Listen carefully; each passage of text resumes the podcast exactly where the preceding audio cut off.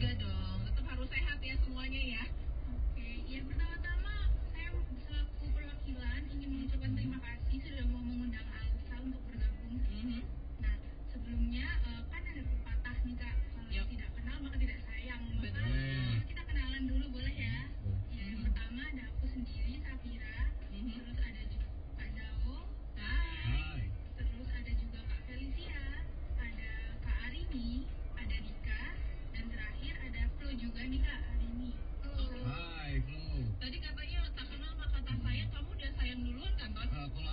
biasanya kalau kata, orang kata kenapa kata saya lebih baik mengenal lebih dekat. Yuk jam nanti siang makan siang bareng ya. Gimana kita mau janjian mungkin berapa ini ke semuanya. Ayo. Nah, kita makan all you can eat yuk. Yuk ntar malam nanti siang ya. Ahli hukum lagi Iya, bener. hukum aku kak. Iya.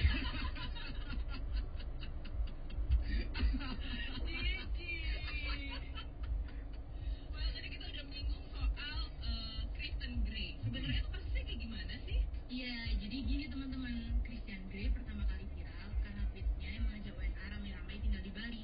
Jadi di Twitter tuh ditulis, di Bali itu biaya hidup relatif rendah, dia bisa hidup mewah terjangkau di sana.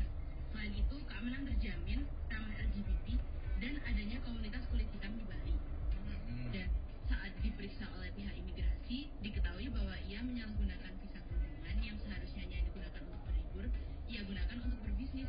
Masa iya sih ia menjual e-book seharga 30 US dollar dan membuka jasa konsultasi mengenai Bali seharga 50 US dollar per 45 menit? Jelas banget gak? Iya, Ya, ya, ya, parah sih itu. Eh, Kemudian, tindak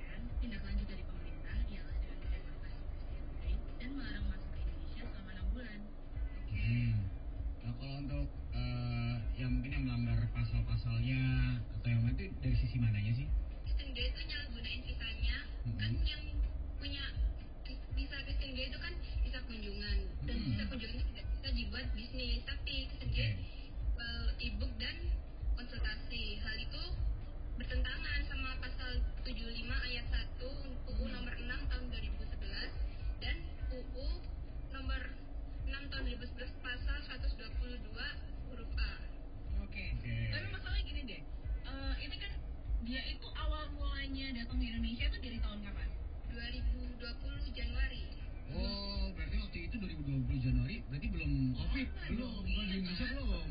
Berarti di waktu ini belum melanggar ya di tahun itu ya. belum Hmm. Oh, enak banget tau. Dia jual banyak banget. Terus biaya hidupnya juga rendah juga kan di Indonesia daripada di Amerika. Bener kan? Berapa sih dia per bulannya katanya ngakunya di sini tuh hidupnya berapa berapa, Berapa? ratus Iya dolar? berapa ratus dolar gitu? 300 dolar sih My Cuman god. seperempatnya ya? Iya. Cuman seperempatnya loh. Sebulan di Indonesia cuma empat setengah. Hmm. Kalau di sana 300. 1300 tuh Ah. berarti 18 juta banyak banget kan? Dia kalau UMR Amerika dipakai di Indonesia banyak ya. Kalau UMR Amerika dipakai di Indonesia, lumayan loh. Hidup mewah di sini deh kan gaji manajer. Well, habisnya kita bakal lanjut-lanjut lagi karena masih banyak perempuan-perempuan kesukaannya Anton yang lain. Oke, eh, nanti panggil saya jangan kakak sayang aja.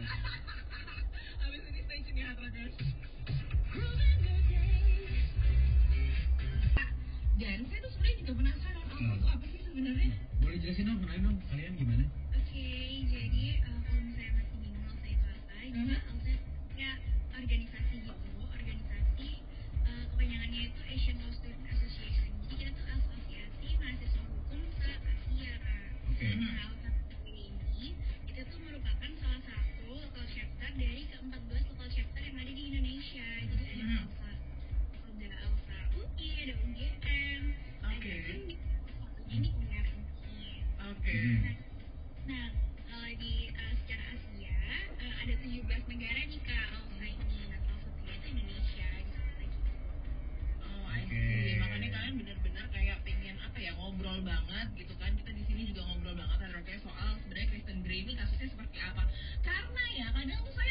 saya keselnya biasa ya netizen ya Harvarders ya. Tiba-tiba berita ini ngomongnya soal Kristen Grey begini, berita B ngomongnya begini, berita C begini. Sudut pandangnya orang masing-masing. berbeda-beda, Bo. Tapi sebenarnya tadi udah di kita ngobrol juga kalau misalnya Kristen Grey itu sudah mendapatkan banyak keuntungan Oh. sebenarnya tinggal di negara Indonesia. Ada nggak sih kayak apa ya? Anak apa? Akhirnya kayak orang bule temennya dia melalui dia yang datang ke Indonesia Oh, iya. terus akhirnya kerja segala macam di sini. Gimana caranya dia bisa masukin orang dari luar negeri masukin ke Indonesia yang mana peraturan lagi ketat-ketat. Iya. Apakah ada jalur dalamnya atau kayak gimana? Oh Nah, my tuh. Boleh. Emang sebenarnya di Twitter itu dia nulisnya kayak gitu ya kak. Jadi dia kayak membuka jasa konsultasi. Betul. Dia juga nyebut tentang itu dan dia kayak seakan-akan bisa bantuin buat orang luar itu masuk ke sini waktu lagi pandemi. Nah itu Mhm. bukan hal yang salah ya kak. Oke. Oh gitu. Tapi sebenarnya kalau visa-visa orang bule mau ke sini itu aja sih? untuk macam visanya itu banyak banget sih mulai dari uh, visa untuk kerja terus untuk visa untuk liburan sendiri gitu Hmm. dan uh, kegunaannya juga macam-macam juga kayak gitu Terus hukumannya sebenarnya kalau misalnya nih, Hmm. gue tinggal di mana tuh namanya Singapura, anak Singapura banget kan mukanya Singlish gitu. Terus Mukanya food street banget. terus habis itu tiba-tiba eh, apa tuh namanya anak kuliahan sekolah di sini lagi tuh Iya apa sih? Jadi kalau bagus tanya. scholarship, ya scholarship, kan? nah. Terus habis itu aku mau aku mau kerja ah jadi barista di sini, Hmm. boleh nggak sih? Apa ada hukumannya tuh sampai sejauh apa kalau misalnya ketahuan? itu kan masuk dalam kategori penyalahgunaan visa Hmm. nah itu kalau Indonesia sendiri itu kayak ada dua jenis hukuman gitu loh Hmm. yang pertama sanksi sama sanksi pidana. Nah sanksi administratif ini eh, mungkin kalau misal level yang rendah gitu ya kayak contohnya adalah pencantuman dalam daftar pencegahan atau penangkalan kayak eh, istilahnya simpelnya tuh kayak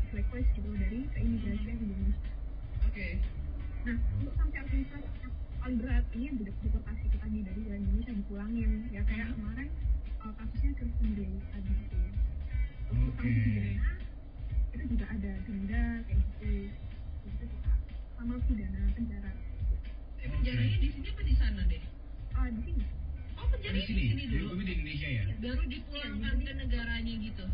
ah dipulangkan tuh tadi masuk administratif yang deportasi Oke. kalau misal udah deportasi berarti ya sudah eh, apa ya kayak istilahnya sanksinya tuh udah selesai gitu sebatas Oh, Oke. Berarti klimaksnya adalah di Deportasi. Kristen Grey ini di deportasi ya, dia nggak di Ya. dihukum. Hmm. Jadi kalau misalnya udah seseorang orang itu udah ke deportasi, dia bisa balik lagi ke Indonesia nggak sih suatu saat nanti? Eh, ini enam bulan Enam bulan. Enam bulan. Oke. maksudnya enam bulan ya dalam jangka dalam, dalam jangka waktu enam bulan itu maksudnya dia bisa ke Indonesia sendiri ke sini gitu Oke, berarti untuk si Kristen Grey itu akan dibutuhkan paspornya untuk bisa ke Indonesia selama enam bulan ya untuk dia ya. Hmm, ya Oke. Tapi kan yang parah kemarin tuh ya, dia tuh kan sampai playing victim, playing victim gitu kan, Hmm. bersama dengan teman-temannya yang lain itu udah kayak, eh, dia orang kasar banget gitu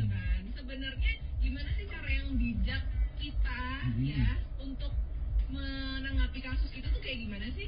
kalau masalah itu tuh memang kenapa sih orang Indonesia banyak nggak setuju juga Hmm. mungkin nggak sesuai sama adat istiadat sama budaya yang ada di sini gitu kan. Hmm. cuman kalau dari aku sendiri upaya penanggulangannya itu selain dari pemerintah juga kita sebagai masyarakat itu bisa harus dewasa dalam menanggapi kasus-kasus ini gitu loh dengan cuitan-cuitan tanggapannya orang-orang Indonesia kan pasti ada-ada aja gitu ya Oke, ada dong. Aduh, itu kayak aduh, Hmm. gitu loh. Jangan kau sedih lah kalau itu.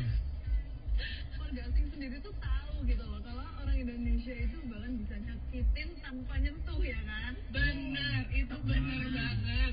bener banget kan nah itu orang Indonesia ini juga perlu harus dewasa dan bijak gitu loh dalam Hmm. menanggapi soalnya kan memang sosial media itu eh, jejak rekamnya itu pasti ada dan Hmm. bisa dilihat diakses oleh seluruh dunia gitu nah, jadi jangan sampai kita jelek-jelekin Indonesia sendiri di mata dunia gitu sih kalau aku. Apalagi pandemi kayak gini masyarakat Indonesia itu udah kayak ibu-ibu. Pandemi makin ibu-ibu lagi PMS ya. Ibu-ibu lagi PMS ya kan? Senggol dikit tuh bacok aja Wah, ternyata seru juga ya maksudnya Hmm. kan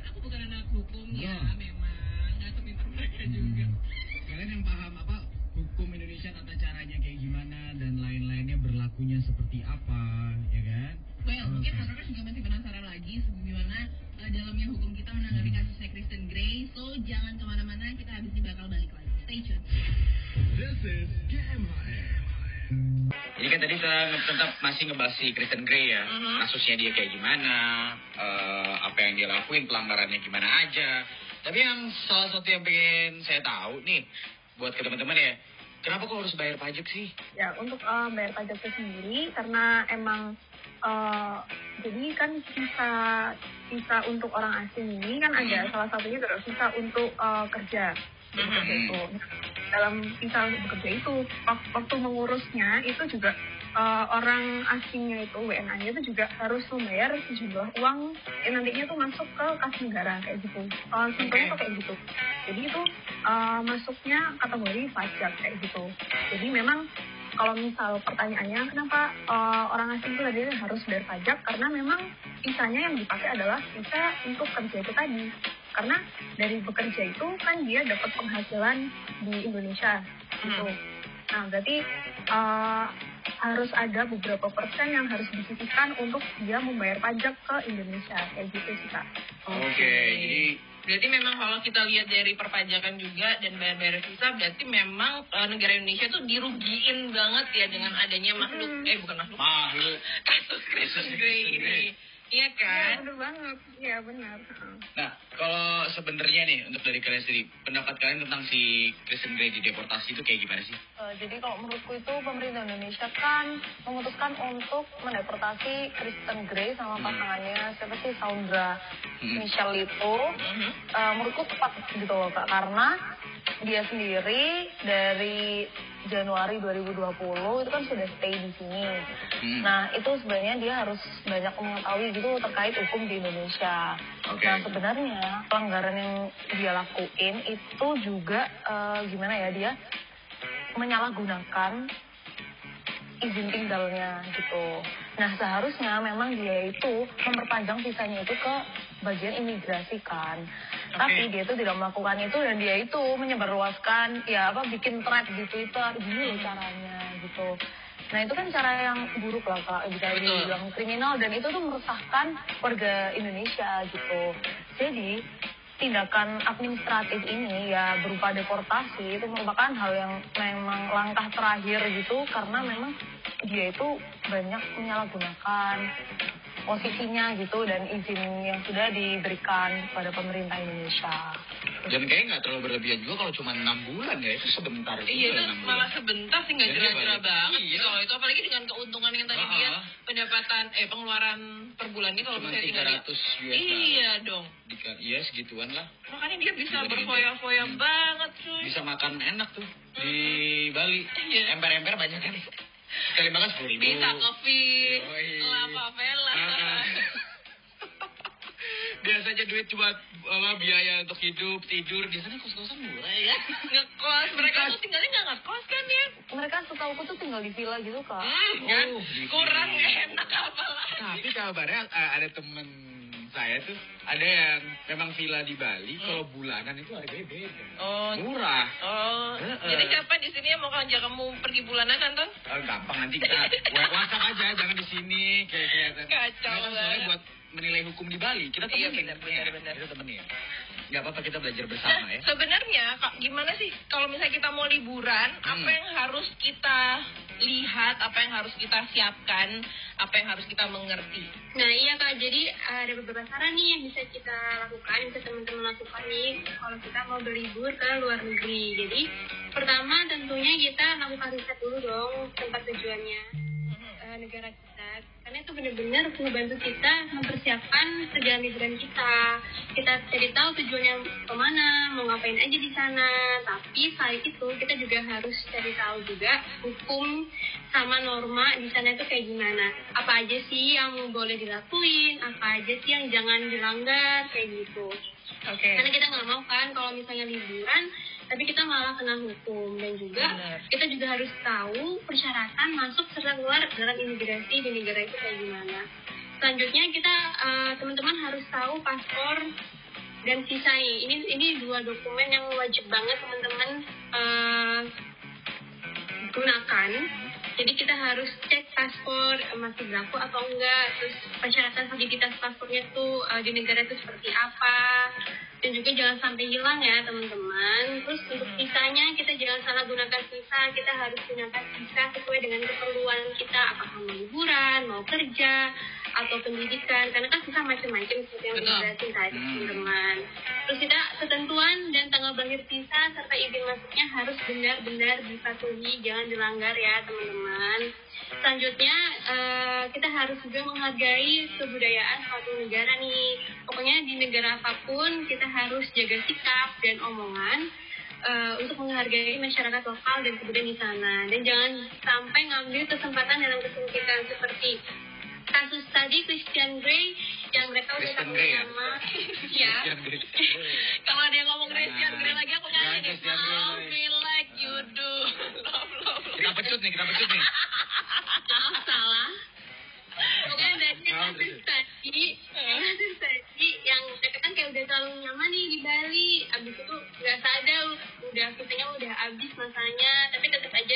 Bali sampai jual buku dan ngelakuin konsultasi ilegal untuk WNA lain. Cuma jangan sampai kayak gitu karena itu kan di negara orang gitu. Dan yang terakhir di masa pandemi ini kita harus banget mematuhi protokol kesehatan di negara itu kayak gimana. Yang Hal simpelnya, hal simpelnya itu kayak kita pakai masker ke mana-mana, terus selalu sedia hand sanitizer, harus selalu cuci tangan juga, bawa peralatan pribadi, terus pilih tempat-tempat yang tidak terlalu ramai, serta harus selalu cek kesehatan kita, karena kita nggak mau kan kalau misalnya liburan tapi kitanya sakit, itu aja sih kak. Betul betul. Jangan sampai kita liburan malah eh, nyebarin virus ke tempat asalnya mereka ya. Hmm. Jangan dong kasihan. Oke, kalau gitu mungkin Hadrogas masih penasaran, kita akan balik lagi. Habis ini. This is GMHM. Bisa bisa diulang lagi nih hard rockers. Kayaknya saya nggak mau masuk sosiologi deh. Kalau bisa saya ganti masuk hukum aja gimana? Eh, kamu kalau masuk hukum, Iya. Kamu ahli hukum yang suka melanggar hukum. Jangan. Aku tuh kan juga pengen Jangan. pinter-pinter kayak Jangan. siapa sih Revina VT, anak Hmm. hukum. Terus ada juga Putri Indonesia yang dari UNER tuh juga hukum juga. Siapa tuh namanya Elvira. Iya, iya. itu anak hukum juga. Bu, Nareswari Lila kapan Jangan. coba? Jangan, jangan. Ntar dia keluar masuk, keluar masuk ke ruang persidangan bukan jadi ya? lawyer, jadi terdakwa. Bukan jadi lawyer. Well, kita Nah. masih mau nanya ini. Sebenarnya adalah pertanyaan terakhir ya. Apa sih sebenarnya yang bisa bikin kita dideportasi? Hal-hal apa aja?